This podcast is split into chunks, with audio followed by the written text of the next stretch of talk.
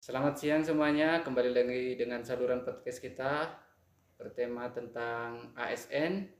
Pada hari ini kita akan kedatangan narasumber, seorang dosen sosiologi dari kampus IAKN Tarutung. Kita akan bertanya banyak mengenai aneka, aneka itu ya itu akuntabilitas, nasionalisme, etika, komitmen mutu, anti korupsi.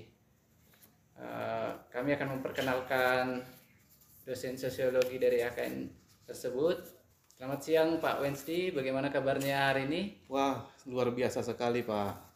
Ya Pak, kita sekarang sedang membahas tema tentang seputar ASN Iya, Pak. mengenai aneka. Wah, bagus topik menarik itu, Pak. Nah, kita pengen tahu nih dari Bapak mengenai aneka ini, akuntabilitas, nasionalisme dan sebagainya. Eh, banyak orang mempertanyakan gitu seputar PNS, bagaimana eh, karakter kehidupan mereka dalam mengerjakan pekerjaan mereka sehari-hari. Ada pertanyaan seputar tentang akuntabilitas dari banyak orang. Kayak gini, Pak. Bagaimana menjadi PNS yang akuntabel? Menurut Bapak seperti apa PNS yang akuntabel itu? PNS itu disebutkan akuntabel kalau dia sebenarnya kita lihat konsekuensi kinerjanya ya. Jadi dia dalam setiap kinerjanya itu dia bisa mempertanggungjawabkan, dia transparan dan jujur. Nah, kalau itu semua sudah dilakukan itu sebenarnya sudah bentuk daripada PNS yang akuntabel gitu. Oh, gitu ya Pak ya. Iya. Jadi ada tanggung jawab, ada transparansi, ada kejujuran di dalamnya Iya. Pak ya. Nah, ada juga pertanyaan seperti, seperti ini. Ciri-ciri PNS yang nasionalis itu seperti apa menurut Bapak?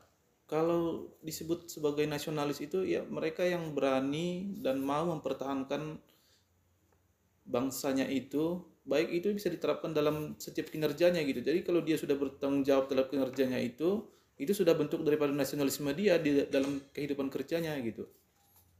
Tapi banyak juga saya melihat eh, PNS-PNS yang belum memiliki jiwa nasionalis. Bagaimana menurut pandangan Bapak?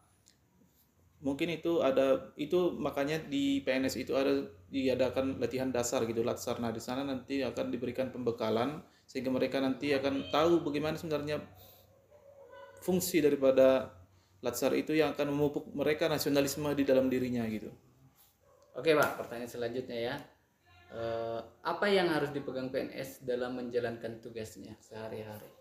Nah, sebagai PNS itu kita sebenarnya ada kode etik gitu, ada et- etika publik yang harus kita jaga yang menjadikan kita dalam setiap kinerja kita kita selalu memegang nilai itu gitu sehingga kita tidak melakukan korupsi, tidak melakukan pelanggaran-pelanggaran. Nah, itu dia akan mengarahkan kita ke jalan yang lebih baik lagi, yang lebih benar gitu sehingga tidak ada pelanggaran-pelanggaran lagi yang terjadi di setiap kinerjanya gitu.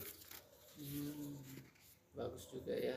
Jadi ada etika yang menjadi pedoman atau kompas eh, untuk para PNS ini yang sudah disiapkan dari pemerintah ya. Iya, begitu seperti itu.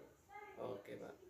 Ada pertanyaan lagi, ba- bagaimana meningkatkan kualitas PNS? Karena kita tahu eh, saat sekarang kan banyak PNS yang kualitasnya kurang gitu. Bagaimana menurut Bapak? Kalau menurut saya sih peningkatan kualitas PNS itu bisa dilakukan karena banyak yang muda-muda ya. Jadi mereka yang muda-muda ini biasanya selalu inovatif gitu. Mereka mendapatkan terobosan-terobosan baru.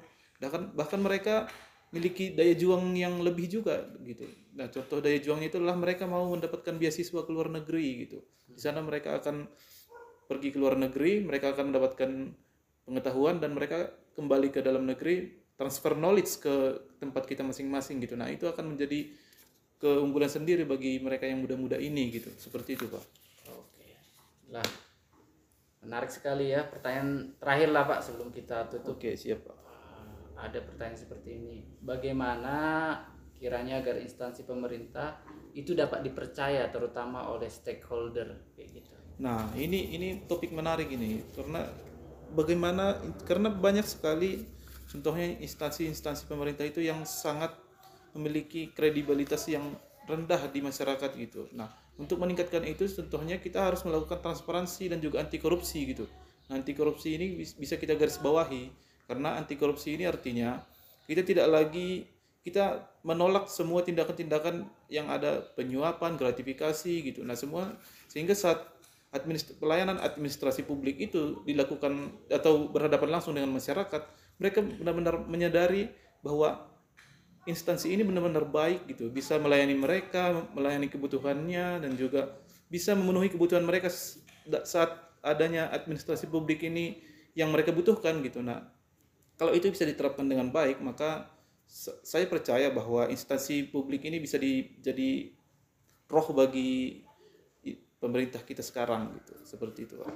Ya, menarik juga ya Pak ya. Mungkin apa yang kita dapatkan informasi dari Bapak mungkin bisa menjadi informasi yang membantu bagi banyak PNS-PNS di sana dan kita bisa menerapkannya dalam keseharian kita untuk bekerja dan maksimal gitu Oke. di instansi kita masing-masing. Iya, Oke. Bapak, terima kasih untuk waktunya. Kita bertemu lagi teman-teman dalam podcast selanjutnya. Oke.